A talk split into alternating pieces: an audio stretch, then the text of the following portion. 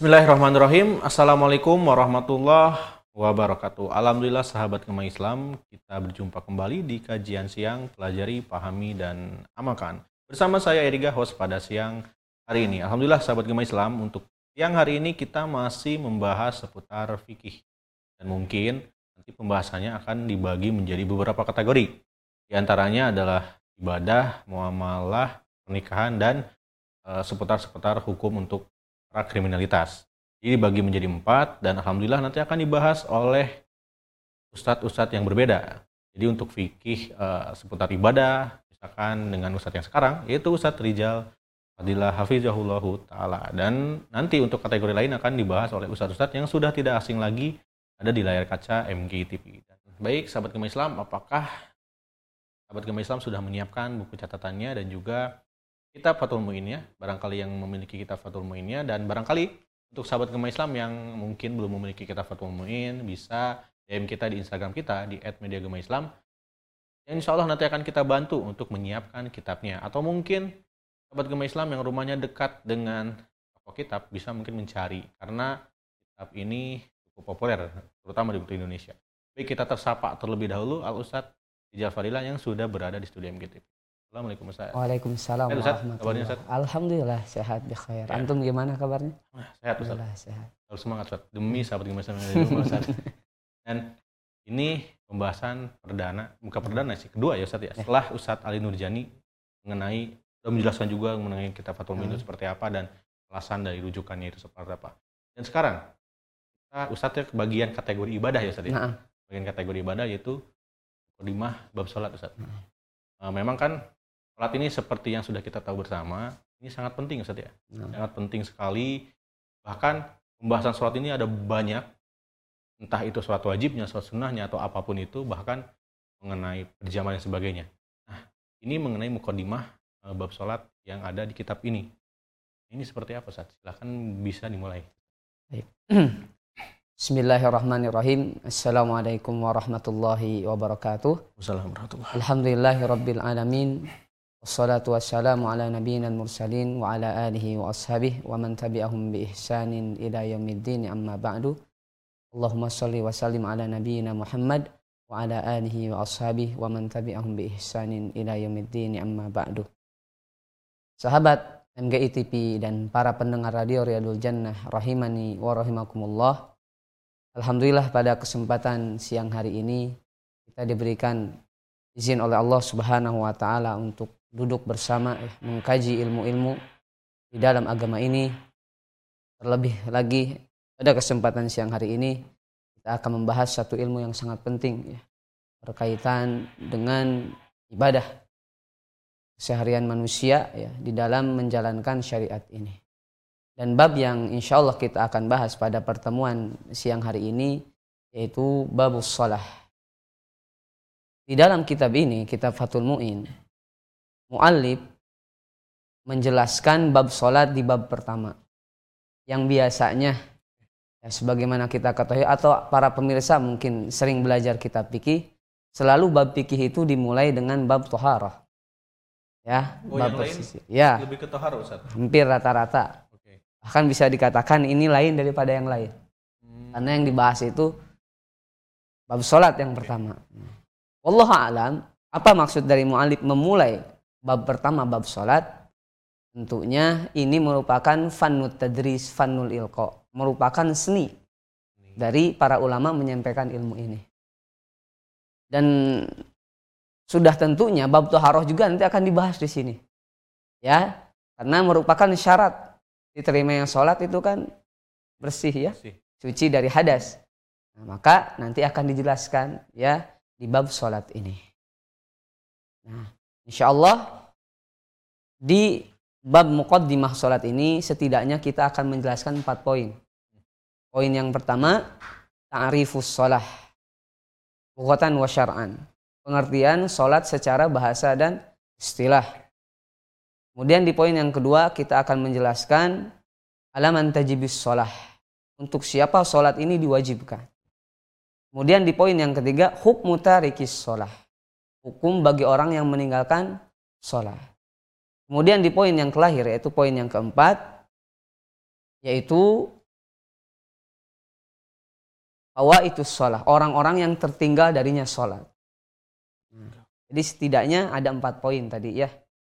Nah, oleh karena itu kita coba ya membaca matan kitab Fathul Muin ini babus sholat Innama tajibul maktubatu ala muslimin mukallafin tahirin. Wa yuktalu in akhrajaha an waqti jam'in aslan illam yatub. Wa yubadiru bifaitin wa yusannu tartibuhu wa taqdimuhu ala hadirah. Babus sholat. Maka mu'alib memulai bab sholat ini dengan menjelaskan lughatan wa syar'an. Apa yang dimaksud sholat secara bahasa atau istilah. Maka hiya syar'an akwalun wa af'alun makhsusah. Muftatahatun bit takdir, muhtatamatun bit tasli. Jadi yang dimaksud sholat secara istilah yaitu akwalun wa af'alun makhsusah. Ucapan, perbuatan yang dikhususkan atau ucapan dan perbuatan tertentu. Nah, apa yang dimaksud ucapan di sini bukan ucapan ya, tetapi yang lebih tepatnya doa-doa. Tetapi di dalam sholat itu ada doa-doa terkhusus. Tidak semua doa yang ada di dalam agama ini masuk ke dalam sholat. Maka para ulama mengatakan setidaknya ada lima doa. Yang mana ketika seorang tidak mengucapkan, melafadkan doa tersebut, maka sholatnya tidak sah. Yang pertama, takbiratul ihram. Allahu Akbar. Nah, kalimat itu harus kita ucapkan. Itu. Yang kedua, Al-Fatihah. Alhamdulillahirabbil alamin. Bahkan ini jelas di dalam hadis Nabi Muhammad SAW disebutkan la salata liman lam yakro bi fatihatil kitab. Tidak ada solat atau tidak sah solat seorang ketika tidak membaca Al-Fatihah. Kemudian yang ketiga yaitu doa at-tasyahud al-akhir. Oke? Ya. Jadi kemudian yang keempat solawat kepada Nabi. Allahumma sholli wa sallim ala Nabi Muhammad. Kemudian yang kelima doa taslimul awal. Doa salam yang pertama. Assalamualaikum warahmatullah. Nah, maka kelima doa itu itu merupakan doa-doa yang wajib yang harus dilapatkan oleh orang yang sholat. Nah, ketika tidak diucapkan, maka tidak sah. Batal sholatnya. Walaupun di sana juga banyak doa-doa yang lain. Contoh doa iftitah. Allah alam pendapat para ulama mengatakan doa iftitah tidak wajib. Tapi akan dapat keutamaan ketika seorang tersebut membaca iftitah atau doa-doa yang, yang lain. Nah, ini yang dimaksud akwalun maksusoh, ucapan-ucapan doa-doa yang khusus. Wa af'alun maksusoh. Ada perbuatan-perbuatan khusus dan tertentu di dalam gerakan sholat. Nah, maka para ulama mengatakan yang pertama al-qiyam. Apa itu kiam? Berdiri. Maka bagi yang mampu ini merupakan rukun. Kalau kita mampu hari ini kuat berdiri, maka harus berdiri. Maka batal, tidak sah salat seorang ketika dia mampu berdiri tapi duduk. Yang kedua, ruku. Ya. Kemudian yang ketiga, i'tidal. Bangkit dari ruku. Kemudian as-sujud sujud. Kemudian al-julus baina sajdatain, yaitu duduk di antara dua dua sujud. Kemudian niyah ya sebagian para ulama kan niyah termasuk af'alul qulub, perbuatan hati. Kemudian yang terakhir at-tartib, yaitu harus tertib. Harus berurutan, tidak boleh seorang itu melaksanakan sholat sujud dulu baru takbiratul ihram. Nah, maka setidaknya ya akwalun wa af'alun, ucapan dan perbuatan yang tertentu yang dikhususkan di dalam sholat, maka itu harus kita lakukan. Maka mu'alib mengatakan muftatahatun bit takbir, muhtatamatun bit taslim. Sholat itu diawali dengan takbiratul ikhram dan diakhiri dengan dengan salah. Wasummiat bidalika istimaliha ala sholah lughatan wahiyad du'a gerakan-gerakan yang kita sebutkan tadi dan ucapan-ucapan yang kita sebutkan tadi itu dinamakan sholat. Kenapa dinamakan sholat? Karena sholat, sholat secara bahasa itu ad-doa. Secara bahasa doa. Dan kita tahu ya kita pernah mendengar bersolawat pada Nabi Muhammad SAW. Bahkan di Al-Quran disebutkan Allah wa malaikatahu yusalluna ala nabi. Bahwasanya Allah Subhanahu wa taala dan para malaikat yusallun salat. Yang dimaksud bukan gerakan-gerakan ucapan yang kita jelaskan tadi, tapi secara bahasa yaitu doa. Ya. Maka kenapa gerakan-gerakan dan ucapan tadi disebut doa? Karena sejatinya ya, salat itu banyak doa di dalamnya, maka disebut salatun. Doa. Kemudian di sini mu'alib menjelaskan ya, setelah menjelaskan makna salat secara bahasa dan istilah, mu'alib mengatakan wal mafrudatul ainiyah khomsun fi kulli yaumin wa laylah ma'lumatun minad dini bidh Maka yang wajib bagi setiap muslim itu hanya ada lima waktu dalam satu hari. Subuh, zuhur, asar, maghrib, dan isya. Maklumatun minad din. Apa yang dimaksud maklumatun minad din? Ini sudah jelas, sudah dijelaskan, dalilnya juga sudah ada di dalam Al-Quran dan As-Sunnah. Kita tahu dalilnya di dalam Al-Quran, akimis sholah, wa akimus sholah. Maka dalil tentang sholat itu semuanya tahu. Kalau diistilahkan, ya perkara-perkara ta'umul balwa. Apa ta'umul balwa? Yang mana semua manusia itu sudah tahu. Kan meskipun nggak tahu dalil juga udah tahu nah, wajib ya. Kewajiban sholat. Ya, udah tahu Orang wajib. fasik, muslim, ya tidak tahu dalil sholat tapi tahu hukum tapi, wajibnya sholat. Kenapa? Karena sudah jelas sholat ini. Dalil-dalilnya sudah jelas. Setiap orang muslim tahu tentang hukum wajibnya wajibnya sholat. Maka dilanjutkan di sini. Ya, fayak furu jahiduha. Maka orang yang meninggalkannya dengan jahat mengingkari sholat dia kafir. Kenapa? Karena semua tahu hukum wajibnya sholat. Walam tajtami hadhihi al-khamas li ghairi nabiyina Muhammad sallallahu alaihi wasallam wa furidat lailatal isra ba'da nubuwah bi asyri sinin wa thalathati ashhur lailata sab'in wa ishrin min rajab. Jadi sholat yang lima waktu tadi itu diwajibkan ya malam Isra Mi'raj. Kapan? Nah, di sini. 10 tahun, 3 bulan, setelah Nabi diangkat, setelah Nabi Muhammad SAW diangkat sebagai Nabi. Dan itu pada malam 27 di bulan Rajab. Nah, bahkan para ulama juga mengatakan ya, ada sebagian apa namanya para ulama mengatakan kapan Isra Mi'raj itu? Isra Mi'raj itu satu tahun setengah sebelum Nabi hijrah dari Makkah ke Madinah. Dan ini dalilnya jelas mutawatir Salah satunya kita ambil ya hadis Anas bin Malik menceritakan tentang kisah Nabi Muhammad SAW Isra Mi'raj dari Masjidil Haram ke Masjidil So. Dan dalilnya jelas juga di dalam Al-Quran. Subhanalladzi asra bi'abdihi laylan minal masjidil haram ilal masjidil aqsa alladzi barakna hawlah. Maka disebutkan diceritakan dalam hadisnya Nabi Isra Mi'raj ya dengan menggunakan kendaraan yang disebut dengan buruk.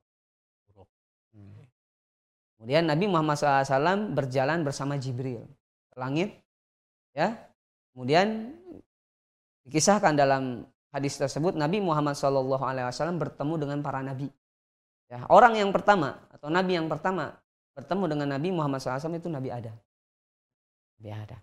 Kemudian bertemu dengan nabi-nabi yang lainnya. Kemudian bertemu dengan apa namanya Allah Subhanahu Wa Taala mewajibkan kepada Nabi Muhammad SAW sholat 50 waktu. Itu bisa bayangkan 50 waktu. Nah, ketika turun bertemu dengan Nabi Musa alaihissalam, Nabi Musa mengatakan apa yang Allah Subhanahu wa taala wajibkan kepada engkau wahai Muhammad. Maka Allah Subhanahu wa taala mewajibkan kepada umat 50 kali dalam satu hari. Maka Nabi Musa mengatakan ummatukum la tatiku nabihi. Umatmu tidak akan mampu untuk melaksanakan itu. Maka Nabi Muhammad SAW naik negosiasi balik lagi, gitu. balik lagi minta dikurangi dikurangi 5 45 kata Nabi Musa umatmu tidak mampu. Sampai dikurangi menjadi 5 5 waktu dalam satu hari. Maka mayubaddalu qawlu ladaya. Sudah tidak ada lagi pengurangan sudah cukup itu 5 ya, maka di sini menunjukkan Allah Subhanahu wa taala yuhibbus shalah suka salat suka berdoa. Dan banyak ya sebagian di antara apa namanya kaum muslimin ya, menolak tentang kisah Isra Mi'raj. Karena kisah Isra Mi'raj itu adalah kisah huropat. Kisah yang sifatnya diada-adakan. Oh, begitu Ustaz. Ya, nah antum terbayang perjalanan Makkah Saudi Arabia ke Palestina. Hmm. Itu ditempuh hanya satu malam. Secara logika manusia tidak mungkin. Tapi itulah mujizat ya Allah Subhanahu wa taala yang Allah berikan kepada Nabi Muhammad sallallahu alaihi wasallam. Kemudian Mu'alib mengatakan walam tajib subha yaumatil kalailah li adamil ilmi bi kaifiyatiha. Dan Allah Subhanahu wa taala belum mewajibkan salat subuh. Artinya ketika Nabi Muhammad SAW turun dari langit di waktu subuh, maka tidak diwajibkan ketika itu sholat. Kenapa? li'adamil ilmi bi kaifiyatiha. Karena tidak tahu tata cara sholat. Kapan sholat itu wajib atau kapan Nabi Muhammad SAW memulai sholat? Maka para ulama mengatakan Nabi Muhammad SAW diajarkan tata cara sholat oleh malaikat Jibril itu ketika sholat zuhur. Zuhur. Sholat zuhur. Makanya di dalam hadis ya, baik itu di kitab-kitab fikih pasti disebutkan insya Allah hadisnya masuk disebutkan karena Nabi sallallahu alaihi wasallam yusalluna al-hajira allati tad'unaha al-awwal. Adalah Nabi Muhammad SAW sholat ketika waktu panas. Kapan? Zuhur. Yang mana ketika itu manusia mengatakan allati tad'unaha al-awwal. Sholat yang pertama yang dilakukan oleh Nabi Muhammad wasallam. Makanya sholat asar disebut sholat wusto, sholat di tengah, sholat tengah-tengah. Nah yang pertama zuhur. Maka di sini juga ada satu faidah. Ala anna dinal Islam zahirun ila al-bashar. Bahwasannya agama ini zuhur. Dari kata zuhur itu jelas. Agama ini telah jelas, telah sempurna kepada manusia. Nah ini dimulai waktu zuhur. Kenapa? Karena ketika Nabi Muhammad SAW turun di waktu subuh, tidak tahu ilmunya. Haifiyahnya. Baru, baru dikasih tahu. Baru diajarkan oleh malaikat Jibril alaihissalam di waktu zuhur. Nah, maka para ulama menyimpulkan ya, apakah ada sholat sebelum Isra Mi'raj? Karena wajib lima waktu itu ketika setelah turun dari langit Isra Mi'raj. Nah, bagaimana manusia ketika itu para sahabat beribadah? Allah alam, para ulama mengatakan ada sholat. Tapi hanya dua waktu. Di waktu subuh dan di waktu maghrib. Dalilnya mana? Dalam surat Toha. Wasbir ala ma yakulun wasabbih bihamdi rabbik qabla tulu'i syamsi wa qabla gurubiha. Jadi ingatlah kalian pada Rob kalian di waktu qabla tulu'i syams. Sebelum terbitnya matahari dan sebelum terbenamnya matahari. Adapun kaifiyahnya tata caranya wallahu alam tidak sama sebagaimana yang kita laksanakan hari ini. Tapi ada penjelasan tata caranya Maksudnya yang mana? Yang, yang sebelum sholat lima waktu. Uh. Wallah alam tidak ada. Yang yang yang kita lakukan yaitu yang setelah Isra, Isra Mi'raj. Nah ini ya secara pengertian bahasa dan istilah. Bahwasanya sholat itu secara bahasa doa. Maka sah-sah saja antum mengatakan ya Walaupun yang familiar di kita yang namanya sholat yaitu gerakan terkhusus, ucapan terkhusus. Tapi kalau kita ambil secara bahasa boleh-boleh saja. Ya, sholat itu artinya doa. Adapun secara istilah tadi ucapan dan gerakan-gerakan khusus yang diajarkan di dalam sunnah Nabi Muhammad SAW. Dan kita tidak didapatkan kaifiah sholat di Al-Quran.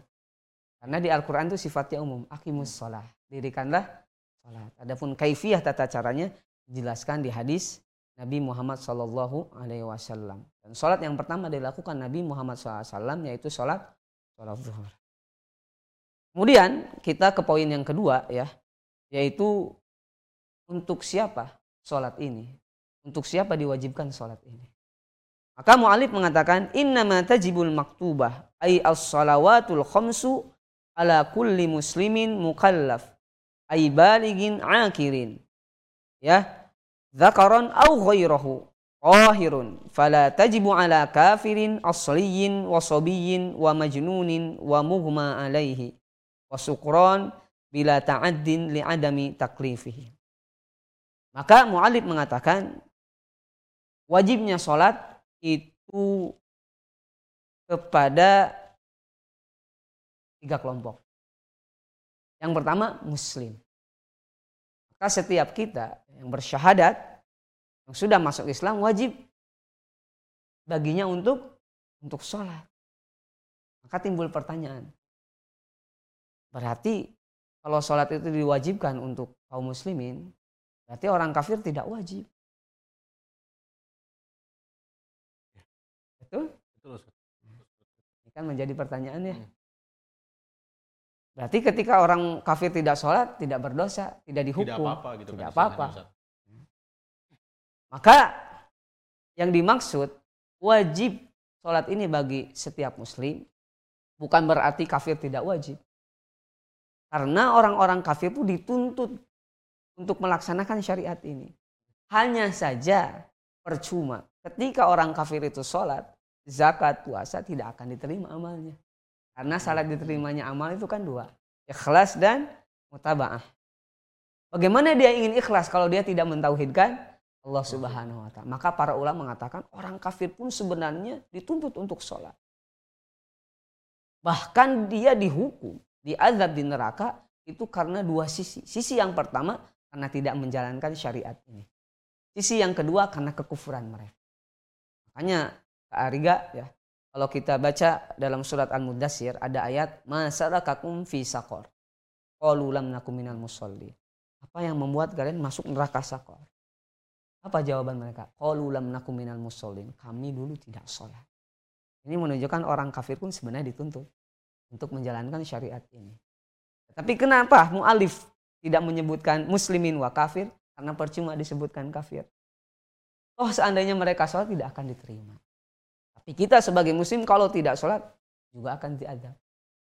Maka antum ketika tidak sholat sebagai seorang muslim, maka akan diadab.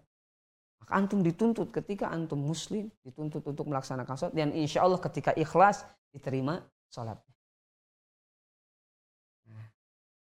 Kemudian syarat yang kedua, ya untuk siapa wajibnya sholat? Ai baligh. Laki-laki perempuan yang sudah balik. Nah, perkara balik ini para ulama memang berselisih. Tidak ada di dalam hadis menjelaskan balik itu umurnya sekian sekian. Para, bukan umur ya Ustaz. Uh -uh. Bahkan para ulama mengatakan yang apa namanya menetapkan balik itu bil istiqro. Istiqro itu keumuman. Terkadang ada si fulan si A dengan si B waktu baliknya beda. Ya. Perempuan kadang 10 tahun sudah balik, ada yang 13 tahun. Laki-laki juga ya perempuan mulai mulai head menstruasi ada yang 11 tahun. Hmm. Maka laki-laki pun berbeda. Ada yang mungkin berapa 11 12 Allah alam. Nah, itu tergantung apa kembali kepada masing-masing personil tersebut. Nah, kalau masuk waktu balik maka wajib baginya sholat. Maka para ulama mengatakan fakhor jamin husobiyu wal majnun wal mughma alaih. Anak kecil tidak wajib sholat. Kenapa? Belum balik.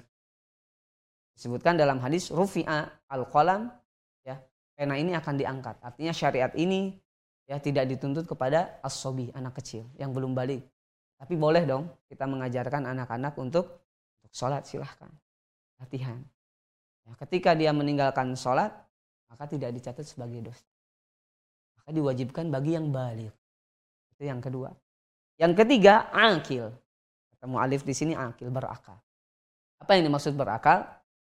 Maka yang dimaksud berakal itu lawan daripada sadar. Maka orang gila itu tidak dituntut untuk sholat. Kenapa? Tidak berakal. Orang yang mabuk juga tidak dituntut untuk sholat karena tidak tidak sadar, tidak berakal. Orang yang apa penyakit ayan itu kan tidak sadar ya, maka tidak dituntut untuk sholat. Nah, adapun nanti masalah mengkodok sholat atau tidak nanti kita jelaskan di, di pertemuan yang akan datang insya Allah.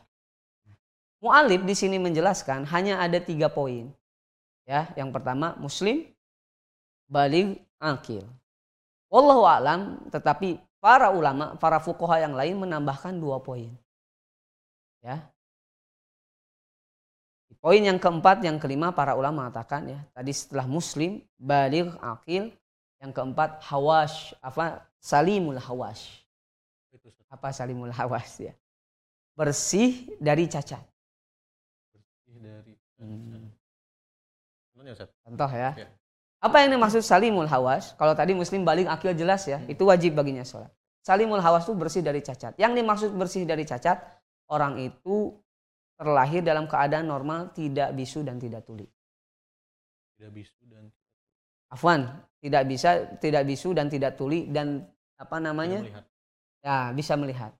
Kalau terlahir dalam keadaan bisu, tuli, tidak melihat, maka tidak wajib baginya sholat.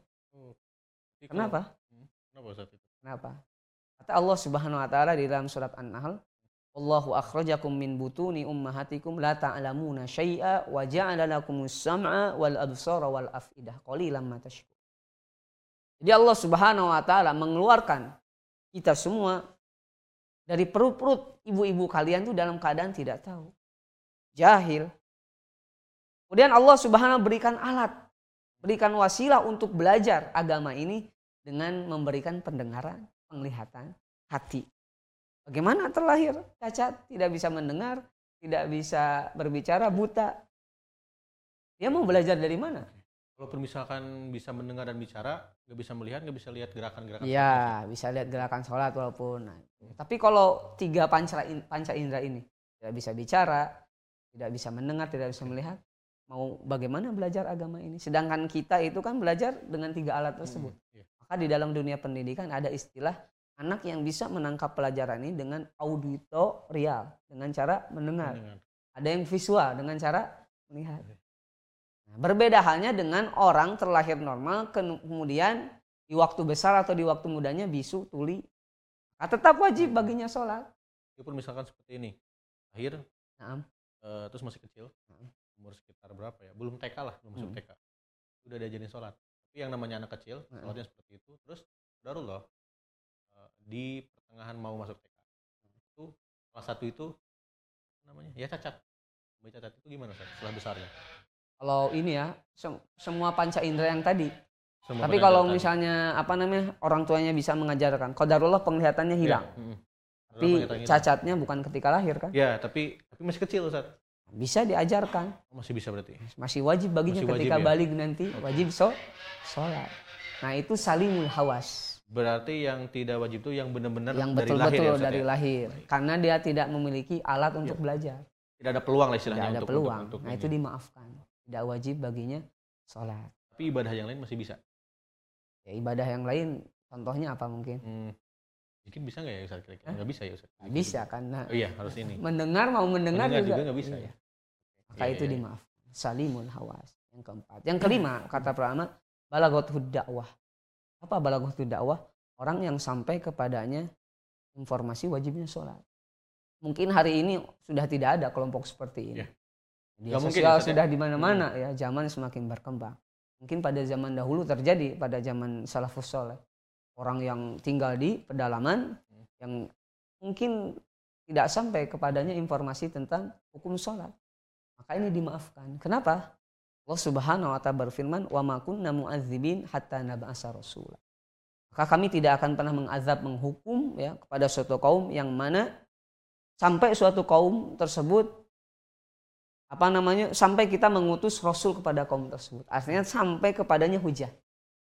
Kalau tidak sampai kepadanya hujah, maka tidak terkena yang namanya taklif wajibnya sholat. Tapi hari ini Mustahil ya. Yang sunnah aja tuh banyak bertebaran Ustaz. Nah, Ilmunya gitu. Jadi kayaknya kalau sekarang sih lebih ke ini Ustaz. Lebih mudah, tapi lebih mudah juga meninggalkan Ustaz. Heeh. Artinya informasinya sudah bisa Ya. sampai Hmm. ya. Tapi banyak orang yang lebih mudah meninggalkannya juga. Ustaz. Jadi tadi lima poin Hmm. tadi ya. Wajibnya sholat Ya. untuk siapa tadi? Muslim. Balil, berakal, Berakal. salimul hawa, selamat, bersih dari cacat. Yang kelima, balagot dakwah. Sampai kepadanya hujah dakwah informasi tentang wajibnya wajibnya sholat. Oleh karena itu Mu'alib mengatakan lihat, Wala tajib ala kafirin asliyin wasobin wa majnunin. Maka nggak wajib bagi kafir yang asli. Sudah saya jelaskan. Hmm. Bukan berarti nggak wajib bagi kafir asli. Percuma. Jadi syaratnya harus masuk. Islam Islam dulu dulu. berarti. Kemudian wasobiyin wa majnunin wa mugma alaihi wa sukron bila ta'addin li adami taklifihim. Nah, menurut mu'alif, sobi anak kecil tidak wajib. Kemudian orang gila juga tidak Tidak wajib. tidak wajib. Wa mughma alai. Apa mughma alai? Pingsan. Wa sukron. Kemudian orang yang mabuk. Ya. Bila ta'addin li adami taklifin. Ada satu catatan. Kalau orang itu gila, kemudian mabuk, itu dengan disengaja. Contohnya, Mabuk ada kan iya, orang ada. yang sengaja, sengaja mabuk, mabuk banyak Ustaz. Karena tahu dia pernah belajar fikih ketika Hmm. mabuk tidak wajib baginya sholat. Iya. Maka dia sengaja, ya, Sengaja ketika mabuk. hendak Hmm. masuk waktu Hmm. sholat dia sengaja mabuk. Atau ada gak sekarang obat yang membuat orang itu gila? Kurang tahu Ustaz. Kurang tahu, tapi mungkin terjadi ya. Tapi berkat mabuk jadi gila Ustaz kadang orang. Maka ini tidak masuk, Iya. tidak masuk kepada poin ini. Kalau orang tersebut sengaja ya, mabuk ketika hendak masuk waktu sholat, dia tahu ketika saya mabuk tidak wajib bagi saya sholat. Atau sengaja minum obat supaya pingsan. Mm. Maka ini tidak masuk pada poin poin tersebut. Jadi catatan penting itu Nah, Ustaz. jadi penting. Wala ala haidin wa nufasa. Kemudian juga bagi wanita terkhusus yang dia haid dan nifas. Maka haram baginya sholat. Haram baginya sholat. Ada satu kisah. Kisah ini masyur ya disebutkan di dalam kitab-kitab fikih juga. ya. Kisah tentang seorang sahabiah namanya Mu'adzah. Bertanya kepada Aisyah radhiyallahu anha berkaitan dengan kenapa sih orang yang haid itu tidak wajib mengkodok sholat tapi wajib mengkodok saum. Maka Aisyah radhiyallahu Hmm. anha ketika itu apa namanya marah. Aharuriyati anti. Apakah engkau seorang haruri? Kenapa engkau bertanya seperti ini? Maka oh kata Mu'adzah, saya hanya ingin bertanya saja. Bukan bermaksud apa ya? e, bertanya sesuatu yang menyusahkan di dalam Hmm. agama ini. Maka Aisyah mengatakan kunna nu'maru bi qada'i shalah wala nu eh kunna nu'maru bi qada'i shaum wala nu'maru bi qada'i shalah. Kami dulu bersama Nabi Muhammad SAW diperintahkan untuk mengkodok saum saja ketika haid dan nifas. Tapi tidak diperintahkan mengkodok sholat. Maka haram bagi wanita yang haid dan nifas sholat. Kira-kira kenapa ya? Ada hikmahnya. Antum bayangkan kalau satu minggu wanita haid kemudian diperintahkan mengkodok sholat. Satu hari lima. Satu hari lima, lima kali tujuh, tiga puluh lima Iya, harus 35 kodok. waktu Ustaz harus Tapi kalau puasa yang wajib hanya satu bulan, Ya. satu kali. Di sehari hanya satu kali lah bisa Hmm. dibilang seperti itu. Hari hanya hanya satu Hmm. kali. Seperti itu. Nah, kemudian ya para pemirsa NGI TV yang dirahmati Allah Subhanahu wa taala, jadi dua poin tadi sudah kita jelaskan berkaitan dengan ta'rifus shalah secara lugatan wasilahan dan di poin yang kedua alaman tajibus shalah. Untuk siapa salat ini diwajibkan. Insya Allah kita akan lanjutkan eh, apa di poin yang ketiga dan keempat setelah jeda berikut. Baik Ustaz. Menarik sekali sahabat kemah Islam pembahasan tadi dari mulai uh, pentingnya sholat dan siapa saja yang tidak wajib untuk sholat. Dan juga Ustaz uh, syarat sahnya sholat itu satunya ada Al-Fatihah Ustaz. Ini mungkin memang kita masih mukadibah ya Ustaz ya. Masih pembukaan tapi ini pembukaannya pemanasannya terlalu santai Ustaz. Pemanasan. Jadi agak ditingkatkan lagi pemanasannya. Begitu berkaitan tentang ini Al-Fatihah. Naam. Eh, itu kan masuk ke salah satu syaratnya sah. Naam. Bagaimana ketika orang itu membaca Al-Fatihahnya hanya sekedar membaca panjang pendek yang sebagainya, kaidah-kaidah dalam membacanya itu bisa dibilang tidak tartil Ustaz. Maksudnya eh, hanya bisa membacanya saja gitu. Membaca secara komplit dari ayat pertama Hmm. sampai terakhir. Itu nanti akan mengganggu kepada syarat kepada sahnya sholat atau Hmm. tidak. Nah itu Ustaz, pertanyaan saya yang tadi Al-Fatihah termasuk ke dalam syarat sah. Ini sedikit aja Ustaz Naam. sedikit saja eh, karena mungkin banyak ya di luaran sana mereka mungkin hanya sekedar hafal al-fatihah tapi mungkin dari cara pembacaannya Ustaz yang pondoknya atau hafalnya lah gitu eh, tidak rapih Ustaz tidak benar baik dan tidak benar hanya saja mungkin hafal dari awal sampai akhir dan mungkin termasuk dengan yang lainnya tadi juga ada beberapa gerakan yang masuk ke salah satunya sholat nah kalau misalnya Fatihah aja dulu bacaannya itu uh, hanya sekedar seperti tadi, maka nanti akan mengganggu ke tidaknya sholat. Terus, Dikit aja Ustaz. Sebagai kisi-kisi Ustaz ke depannya. Taib. Mungkin pertanyaannya apakah sah seorang yang membaca surat Al-Fatihah dalam sholatnya Mm. tidak memperhatikan masalah panjang pendek Iya, kurang lebih atau itu. Mungkin makhrij huruf ya berkaitan dengan tajwid ini. Mm. Yang pertama, kita harus memahami kaidah di dalam Islam. Allah Subhanahu wa taala berfirman, "Ma ja'ala 'alaikum fid dini min haraj." Ya. Kemudian Allah Subhanahu wa taala mengatakan dalam surat Al-Ahzab juga, jadi yang namanya dosa itu diambil dari sesuatu yang disengaja. Yang pertama itu. Kalaulah dia tidak sengaja dan tidak tahu, maka tidak diambil sebagai dosa. Itu kaidah di dalam Islam. Nah, jawabannya kita kembalikan kepada orang pembaca Al-Fatihah tadi. Kalau dia tahu hukumnya, masalah panjang pendek itu akan merubah makna. Jadi di dalam kesalahan itu ada yang namanya lahan jali, ada lahan khofi. Kesalahan kecil, kesalahan besar. Kesalahan kecil itu mungkin panjang pendek. Ya, atau gunah ketika membaca surat Al-Fatihah tapi tidak merubah makna wallahu alam sah. Tapi kesalahan fatal yang mungkin panjang pendeknya bisa merubah makna atau hurufnya diganti itu jelas tidak sah. Nah, bagaimana kalau orang tersebut tidak tahu walau alam tetap sah saja. Tapi kalau orangnya tahu, nah ini akan merubah makna. Tapi dia sengaja salahkan, maka dia berdosa dan tidak sah sholatnya. Dan kita tahu ya, di negeri Arab pun yang namanya lahjah, logat dan dialek itu berbeda-beda. Saya ambil contoh. Orang Mesir ketika mengucapkan huruf ja itu biasa menggunakan huruf go, ga. Ja jadi ga. Oh, di sana, contoh di sana. Hmm. Darrojah, darragah. Itu keseharian mereka. Ja dibaca go darrojah jadi darragah. Tetapi ketika mereka membaca surat Al-Fatihah nggak bisa. Dirubah. Kalau ja ya ja. Mereka tahu.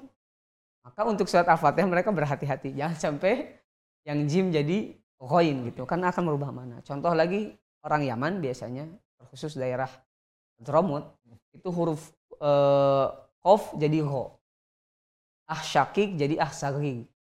Maka ketika membaca surah Al-Fatihah dia tahu. Misalnya ihdinas siratal mustaqim. Mereka tidak mengucapkan ihdinas siratal mustaqim. Padahal keseharian mereka kof dibaca kok. Tapi karena tahu ini merupakan bacaan yang apa namanya merupakan rukun dalam sholat. Maka kalau dia tahu hukumnya ketika oh ini kesalahan fatal. Ketika saya baca maka akan merubah makna. Maka tidak sah harus diulangi. Tapi kalau tidak tahu, wallah alam tidak berdosa dan masih sah. Jadi kuncinya tadi kaidah tadi berarti disengaja atau tidak Joseph. Hmm, kalau dia. misalnya kita tahu terus disengaja di seperti itu, kembali kepada pribadinya Ustaz. Iya. Tapi yang lebih baiknya mungkin kita mempelajari cara ya, bagaimana itu jelas, ya. ya. Haruslah. Harusnya seperti Lebih itu. mungkin al-fatihah hmm. merupakan rukun rukun sholat. Setidaknya kalau misalnya kita masih membaca Al-Qur'annya belum lancar di al-fatihahnya dibaguskan. Makanya kalau dalam ilmu tahsin itu selalu yang diawali itu belajar Al-Fatihah. Kenapa? Ada filosofinya. Kan rata-rata nggak ke surat Al-Baqarah dulu Al-Fatihah. Hmm. Kenapa? Ya minimal antum benar membaca surat Al-Fatihah yang menjadi rukun syarat sahnya sholat. Sholat ya Ustaz ya. Baik Ustaz, terima kasih jawabannya dan hmm. uh, bahasan yang dua nih. Nah. Itu cukup jelas tadi sebenarnya Ustaz yang tadi yang Al-Fatihah. Hmm. Jadi mungkin sahabat kami juga insya Allah mengerti Ustaz. Dan untuk yang kedua, itu kita akan membahas empat ya Ustaz. Tadi dua, dua lagi. Sudah, dan sekarang dua lagi Ustaz. Silakan mulai dimulai kembali. Baik. Baik, para pemirsa MBR dan para pendengar radio Riyadul Jannah rahimani wa rahimakumullah. Setelah kita menjelaskan dua poin di segmen yang pertama, insya Allah kita akan melanjutkan di poin yang ketiga dan keempat. Maka Mu'alid menjelaskan dalam muqaddimah bab sholat ini di poin yang ketiga yaitu hukum tarikis sholat, hukum bagi orang yang meninggalkan sholat. bal tajibu ala murtadin wa muta'addin bisukrin wa yuktal ay al muslim al mukallaf al tahir haddan bi darbi unuqihi in akhrajaha. Ay al maktubah amidan. Laha ini taubah lakinnahu ya'sam. Wa yuktal kufran in tarakaha jahidan wujubaha. Wala yugsal wala yusalla alaihi. Maka di poin yang ketiga ini hukum bagi siapa saja yang meninggalkan sholat. Bagi orang muslim, kita tidak bagi berbicara kafir. Maka mu'alif menjelaskan, Maka bagi siapa saja yang meninggalkan sholat dengan bermalas-malasan, tahawunan, maka wajib dihukum mati. Ya, wajib dihukum dihukum mati. Itu pun hanya sekali Ustaz meninggalkannya. Ya. Itu pun hanya sekali meninggalkannya, cuma dua Nah. doang misalnya.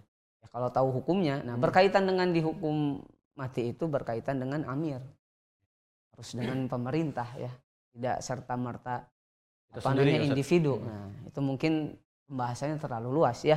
Ya. Nah, maka Allah Subhanahu Wa Taala menjelaskan dalam surat Maryam, "Fakhalafa min ba'dim khalfun adha'us salata wattaba'us syahawat."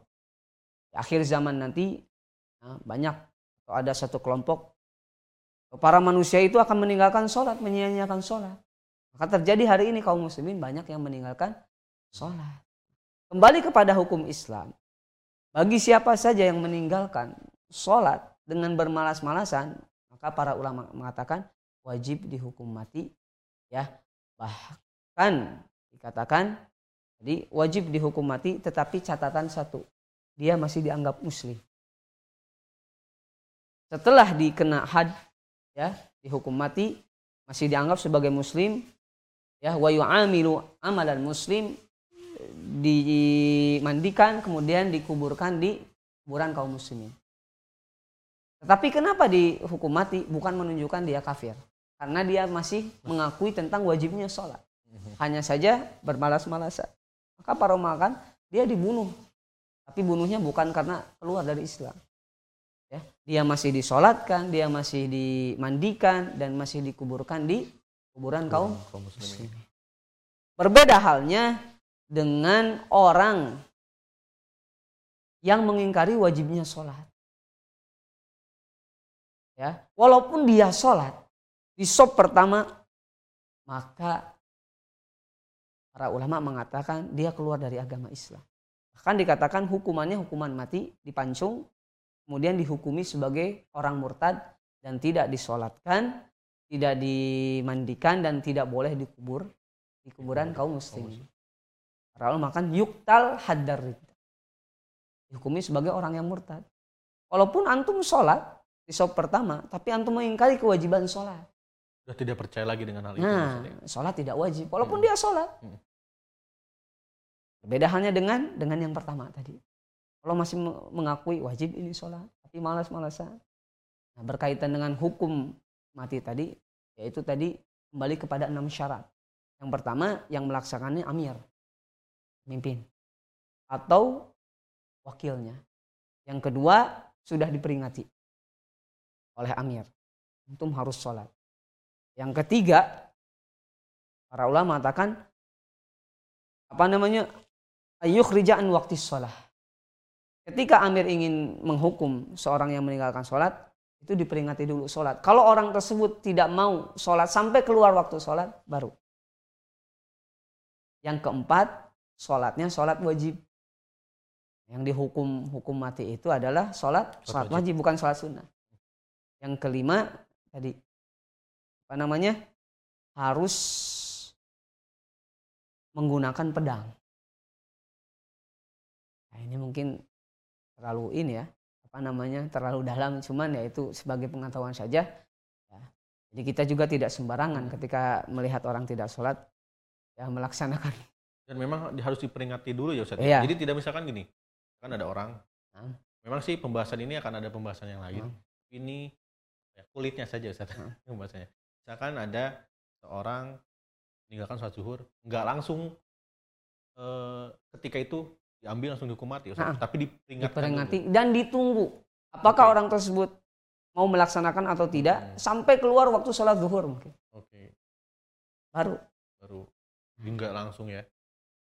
Ini kenapa yang menjadi permasalahan kenapa hukumannya berat bagi orang yang meninggalkan sholat bermalas-malasan atau mengingkari kewajiban sholat.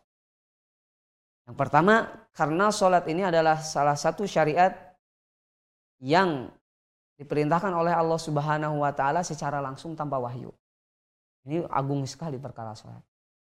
Yang kedua dalam hadis Nabi Muhammad SAW disebutkan dalam hadis Jabir bin Abdullah Al-ahdul ladhi bainana wa bainahum atau al-ahdul ladhi bainana wa bainal kufri tarkus sholah. perbedaan antara kita dan orang kafir itu meninggalkan sholat. Sudah cukup bagi orang yang okay. bermasalah dikatakan kafir. Bagian para ulama mengatakan seperti itu. Maka berat. Perkara orang yang meninggalkan sholat. Bagian dari ciri seorang muslim juga berarti bisa ya? Ciri. Bisa dibilang seperti itu ya? Ya. Kenapa Rasulullah SAW mengatakan seperti itu ya? Cukup beda antara kita dengan orang kafir sholat. Sama ciri orang muslim itu sholat maka antum yang sholatnya belum betong, hati-hati. Kalau kita terbiasa dengan perbuatan seperti itu, bisa masuk kepada sesuatu yang lebih besar, terjerumus kepada perkara yang lebih besar, sampai meninggalkan sholat. Benteng juga masuknya. Benteng. Bahkan bisa dikatakan baik buruknya ahlak hmm. seorang tergantung sholatnya. Maka di Al-Quran disebutkan inna sholata tanha anil fahsyai al mungkar. Sholat itu menahan seorang diri untuk melaksanakan kemungkaran, keburukan. Dan antum silahkan riset ya. Orang-orang yang ahlaknya buruk, ya, yang beragajulan, antum lihat sholatnya. Jarang sholat. Yang wajib pun mungkin nggak tahu ya. Jangan tanya yang sunnah, yang wajib. Yang wajib juga. Gitu. Maka di sini ada dua poin. Hukum meninggalkan sholat yang pertama, kalau meninggalkannya karena karena malas. Para ulama mengatakan, ya, sebagian para ulama mengatakan dia tidak keluar dari Islam tapi wajib terkena had. Terkena had itu terkena hukuman mati. Tapi yu'amil muamalatal muslimin. Dia dimuamalahi ya, disolatkan, dimandikan, kemudian dikubur di kuburan kaum muslimin. Yang kedua, apabila meninggalkannya karena jahidan. Apa jahidan? Mengingkari. Maka dia juga dibunuh, ya yuktal, kemudian dihukumi sebagai orang murtad dan tidak boleh disolatkan, tidak boleh dimandikan, apalagi dikubur di kuburan muslimin. Ini di poin yang yang ketiga. Jelas di sini lihat. Intaro kahajahidan wujubaha. Wala yubsal wala alaih. Kalau meninggalkannya karena mengingkari kewajibannya, maka tidak boleh dimandikan, disolatkan, bahkan dikubur di kuburan kaum muslimin. Dan dengan catatan ini hanya amir ya Ustaz yang ya, kita tidak bisa secara pribadi. Kemudian di poin yang keempat, wa yubadir man marra bi faitin wujuban in fata bila uzrin. Di poin yang keempat yaitu tentang bagaimana ketika seorang tersebut tertinggal darinya sholat. Di sini disebutkan wa yubadir. Maka hendaklah seorang muslim yang tertinggal sholatnya itu bersegera untuk mengkodok sholat. Nah di sini ada satu satu satu poin penting orang itu tertinggal minimal ada ada dua sebab. Yang pertama karena ada uzur. Yang kedua karena nggak ada uzur. Sengaja bisa yang paling kedua Ustaz. Nah, ada uzur pun kata para ulama dibagi-bagi menjadi dua. Ada yang disebabkan karena tidur, ada yang disebabkan karena lupa. Oke? Lupa dan tidur. Hadisnya jelas. Hadisnya masyur hadis Abu Qatadah radhiyallahu anhu Nama an sholatin au nasiya falyusolliha ida zakaroha. Apabila seorang itu tertinggal sholat karena tidur atau lupa, maka dia hendaklah sholat mengganti sholatnya ketika dia ingat. Nah, maka tidur yang seperti apa yang dianggap uzur? Apakah hmm. setiap tidur itu dianggap uzur? Para ulama mengatakan ada yang tidurnya yang pertama ketika dia tidur sebelum masuk waktu sholat.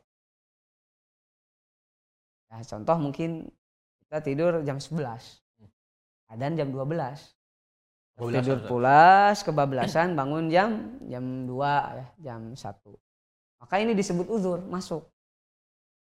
Karena tidurnya sebelum masuk waktu sholat. Nah kemudian ada juga yang tidurnya pas masuk waktu sholat. pas waktu masuk sholat tapi dia yakin bakal bangun. bakal bangun sebelum sebelum iqomah atau gimana sebelum keluar waktu sholat sebelum Keluar waktu. Contoh mungkin zuhur jam 12, yeah. jam 12 12 15 dia tidur. Duh ngantuk. Kalau istilah orang Sunda itu apa? Tidur sebentar tuh. Renhap.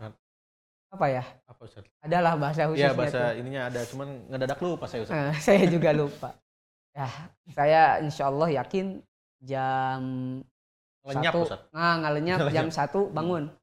Karena kan sebenarnya terlepas dari khilaf para ulama, apakah eh, apa namanya sholat itu diterima di awal waktu atau di akhir waktu? Para ulama mengatakan di awal waktu, di akhir, di pertengahan diterima.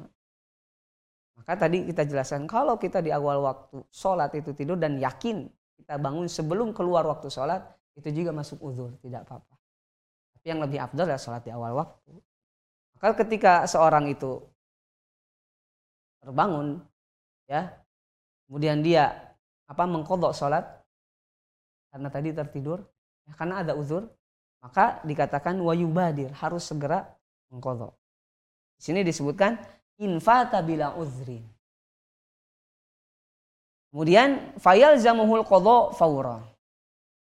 Kemudian ada juga yang orang tersebut tertinggal sholat tanpa sebab. Nggak lupa, kemudian nggak tidur. Sengaja. Nah, mungkin kalau sekarang Ustaz, nah. alasannya agak kerjaan belum beres. Akhirnya nanti ah, kan duhur bisa dinantikan juga. Nah, nah itu sekarang ada alasannya seperti itu, Ustaz. Akhirnya kebablasan, kan? kebablasan. kan? Masuk waktu tiga. masuk waktu asar. Waktu asar gitu. Nah, maka Mu'alib mengatakan lihat wujuban infata bila udrin fayal jamhul qadha. Fauran. Kalau seorang itu tersebut tertinggal darinya sholat dengan sengaja tanpa uzur, maka wajib mengkodoknya secara langsung harus bersegera. Al faur di sini lihat kalimat fauron langsung dikodok. Meskipun misalnya ketika itu udah masuk waktu asar. Nah, harus di harus dikodok. Gak boleh tarohi. Apa itu tarohi? Ada jeda. Nah nanti. Ah, nanti besok juga masih ada nah. duhur, Ustaz? Enggak, maksudnya bukan sampai besok. Hmm. Dalam arti, ah nantilah. Sekarang udah masuk waktu asar nih. Ya. Tapi anak belum sholat duhur. Gak ada udur tadi, sengaja. Maka kata mu'alib, harus faur, hmm. segera ganti. Walaupun masuk waktu asar. Ya nggak bisa dinantikan. Nah, gak bisa tetapi kalau misalnya tertinggal sholatnya karena uzur, hmm. Mu'alib mengatakan di sini lihat. Ya, di sini lihat. Wa yubadir bihi nadban infata bi uzrin kanaumin lam yata'id bihi. Wanisian kadalik. Kalau dia tertinggalnya karena lupa atau karena tertidur, maka dia wajib mengkodok, wajib. Tetapi nggak faur, nggak apa-apa, nggak langsung. Tapi ada jeda silahkan. Tapi lebih ahsan langsung juga. Ada satu perbedaan kalau misalnya dia apa tertinggal darinya sholat tanpa uzur, maka dia wajib mengkodoknya dengan segera. Nggak boleh menunggu. Tapi kalau misalnya tertinggal karena tidur atau karena ada alasan karena uzur atau lupa, maka tidak mengapa. Mengkodoknya tidak faur. Apa tidak faur? Tidak bersegera. Ada jeda tidak apa. Nah, yang menjadi permasalahan ketika seorang itu kita ambil contoh ya tertinggal darinya sholat zuhur. Dan masuk waktu asar. Kira-kira mau sholat zuhur dulu atau asar dulu ini? Kodok dulu atau asar dulu ini? uh, ulangi Ustaz. Ketika seorang tertinggal darinya sholat, contoh sholat uh, zuhur, belum melaksanakan sholat itu, masuk waktu sholat asar. Kira-kira kita mengkodok sholat zuhur dulu atau sholat asar terlebih dahulu. Kalau misalkan disengaja. Nah betul, ini okay. bagus sekali ini. Ada sedikit perbedaan. Hmm. Kalau disengaja, kata para ulama, kalau dia meninggalkan sholat tersebut dengan sengaja, maka wajib mendahulukan mengkodok sholat yang dia tinggalkan. Contoh, kalau dia tertinggal sholat duhur, harus sholat duhur, duhur dulu baru baru asar. Paham? Berarti tidak uh, sudahlah ada udah masuk asar karena udah tertinggal jadi jadi nggak sholat. Itu tetap harus eh, tetap segera juga. harus segera. Kemudian kalau tertinggalnya dengan uzur entah itu tidur atau lupa masuk waktu asar maka tidak mengapa. Untuk sholat asar dulu baru zuhur. Catatannya ada uzurnya Ustaz. ada uzur. Walaupun di sini mu'alib lebih menganjurkan lihat wa yusannu tartibuhu ayil faid. Tapi lebih bagus atau disunahkan baik itu dia tertinggal karena ada uzur atau tidak ada uzur itu lebih baik tertib apa tertib berurutan. Kalau tertinggal sholat zuhur masuk asar zuhur dulu. Baru asar. Mu'alib lebih cenderung kepada lebih baik. Lebih baik contoh lagi. Kayak tadi ya sholat zuhur tertinggal karena tertidur itu kan ada uzur. Masuk waktu sholat asar. Maka kalau ada udur silahkan. Mau asar dulu mau duhur dulu. Tapi mu'alib mengatakan lebih bagus ya sesuai. Duhur baru asar. Nabi Kusin ini nah. bicara soal sholat duhur nih. Nah. mumpung kita sedang membicarakan sholat duhur uh, tapi sebelum saya bertanya ada satu pertanyaan yang harus dipastikan dulu. Saya pernah mendengar Ustaz. Nah, di artikel atau sekarang banyak flyer-flyer hmm. ya flyer-flyer singkat faedah-faedah seperti itu bahwa sholat duhur itu bisa dinantikan gitu. Dengan karena cuaca panas dan sebagainya. Oh uh, nah, mungkin Ustaz pernah dengar ya seperti itu, ya? itu ya? ada di dalam hadis ya, ya. nah itu apakah di zaman sekarang berlaku Ustaz? Maksudnya uh, sekarang kan ada payung ada hmm. apa gitu Ustaz? Apakah misalkan gini panas nih cuaca di Ihya Sunnah ini panas.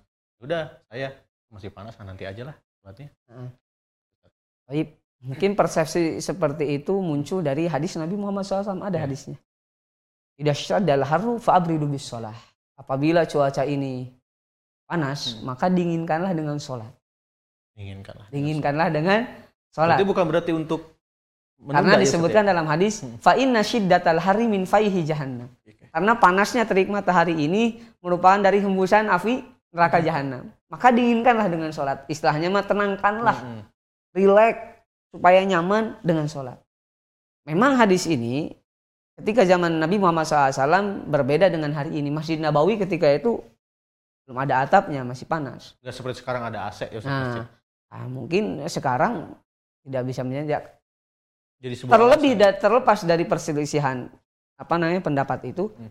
yang lebih afdol itu sebenarnya di awal tetap bersegera ya Ustaz ya iya Emang pada zaman Nabi itu ketika itu apa? Belum ada atap. Maka ditunggu panas. Kemudian laksanakan sholat zuhur. Hmm. apa? Abrid. Dinginkanlah cuaca itu dengan sholat. Kalau sekarang udah ada atap udah ada masjid ada AC sholat di awal waktu lebih ahsan. Bahkan dalam hadis disebutkan hadisnya jelas. Hadis Abdullah bin Abbas. Ketika seorang sahabat bertanya ayul a'mali afdal. Amalan apa yang paling utama? Apa? kata Nabi Muhammad SAW?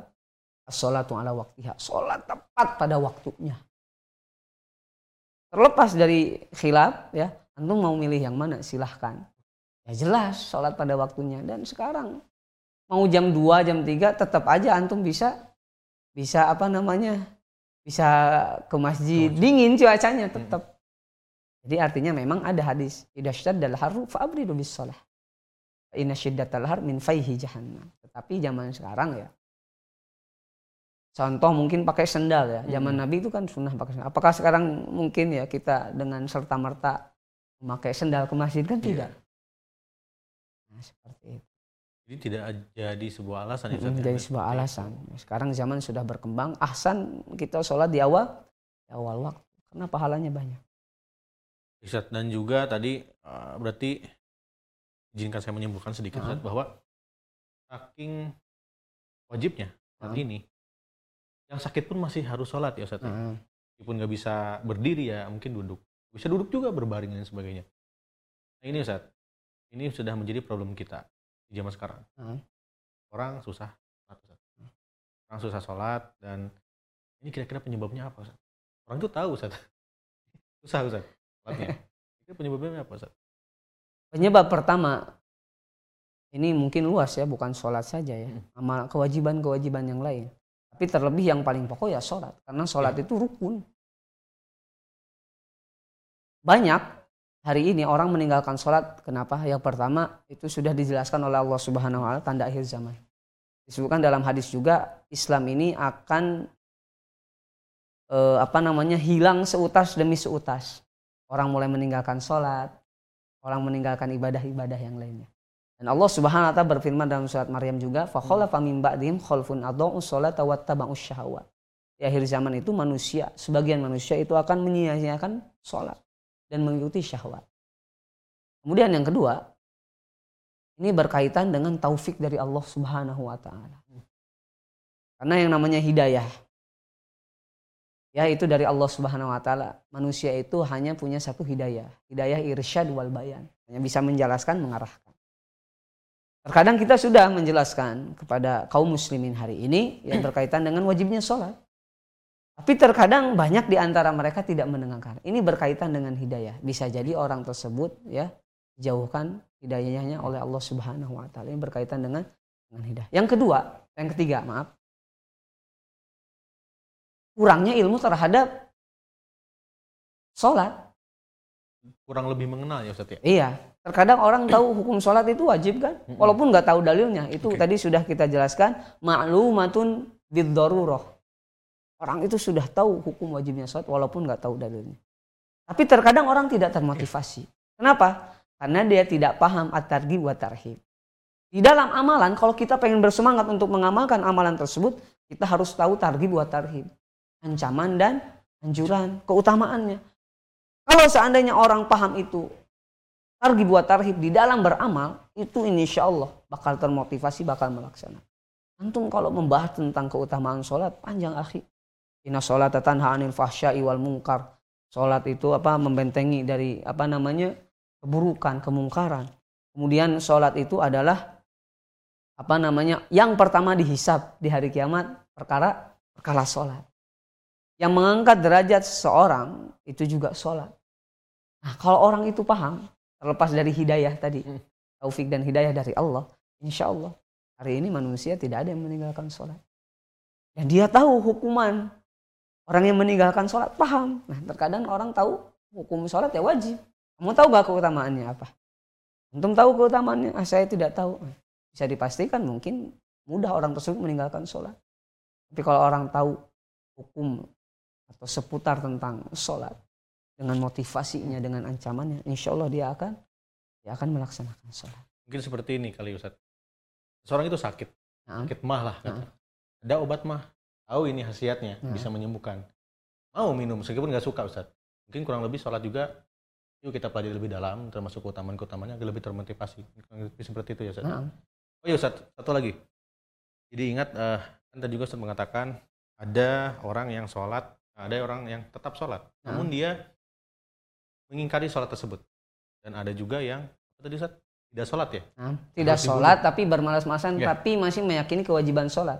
Nah itu sholat. di Ya, itu yuktal? Asal-asalan sholatnya, cering-cing cat wae gitu kan. Tapi berjamaah. ya tadi kembali kalau orang tersebut Rusuh lah Ustaz kadang sholat gitu.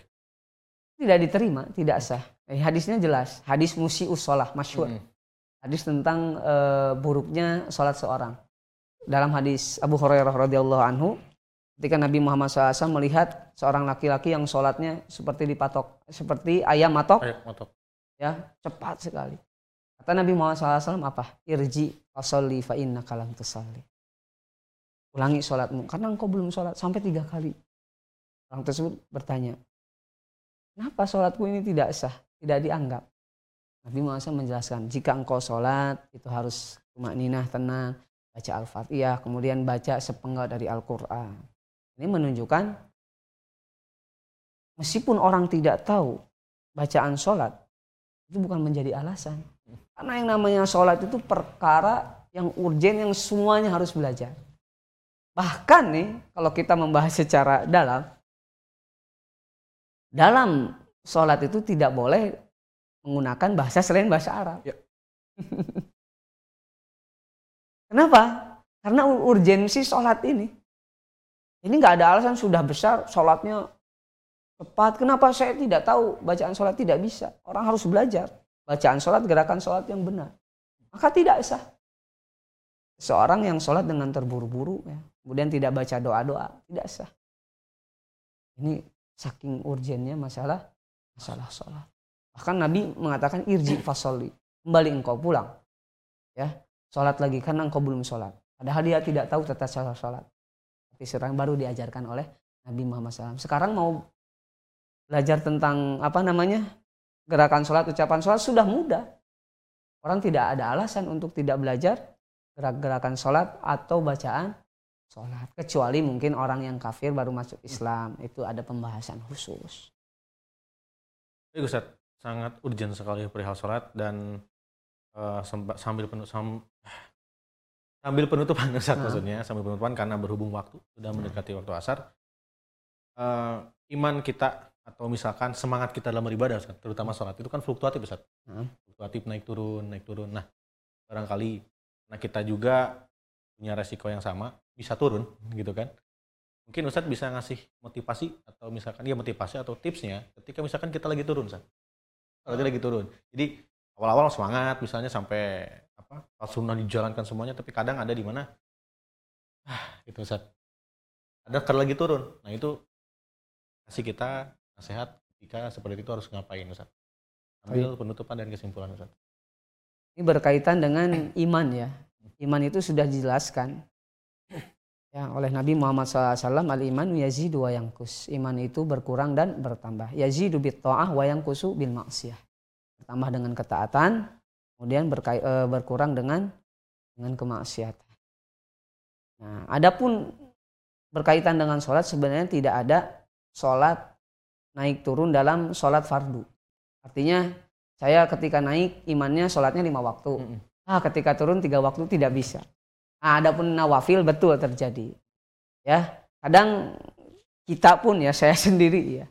Kadang ketika semangat ah sholat tahiyatul masjid. Mm -hmm. Nah sunnah. Kalau lagi malas ya mungkin nggak tahiyatul masjid. Nah, itu tidak tidak mengapa sebenarnya. Ya yang menjadi catatan tidak ada istilah sholat fardu naik turun. Tidak ada lagi naik lima, lima waktu yang lagi turun tiga waktu. Tidak ada. Karena itu kewajiban. Tetapi ya sebagai seorang muslim ya. Terutama dalam bab sholat. Kita diperintahkan untuk banyak bersujud. Nah ada satu hadis ini. Masya Allah. Ketika seorang sahabat meminta kepada Nabi Muhammad SAW agar dia nanti masuk surga bersama Nabi Muhammad SAW. Apa pesan Nabi? Ya, Pesan Nabi apa? Alaika roti sujud. Perbanyaklah sujud. Ini menunjukkan ya sholat maksudnya. Banyak sholat. Itu akan mengangkat derajat kita. Akan menjadikan kita masuk surga. Dan sholat ini yang jelas ya benteng benteng agama kita. Kalau orang melalaikan sholat, kemudian meninggalkan sholat, na'udzubillahi min dalik, itu bisa dipastikan amalan-amalan yang lainnya juga akan hilang puasa contohnya lain daripada sholat. Kalau orang sudah meninggalkan sholat, maka amalan-amalan pun akan akan ikut hilang juga.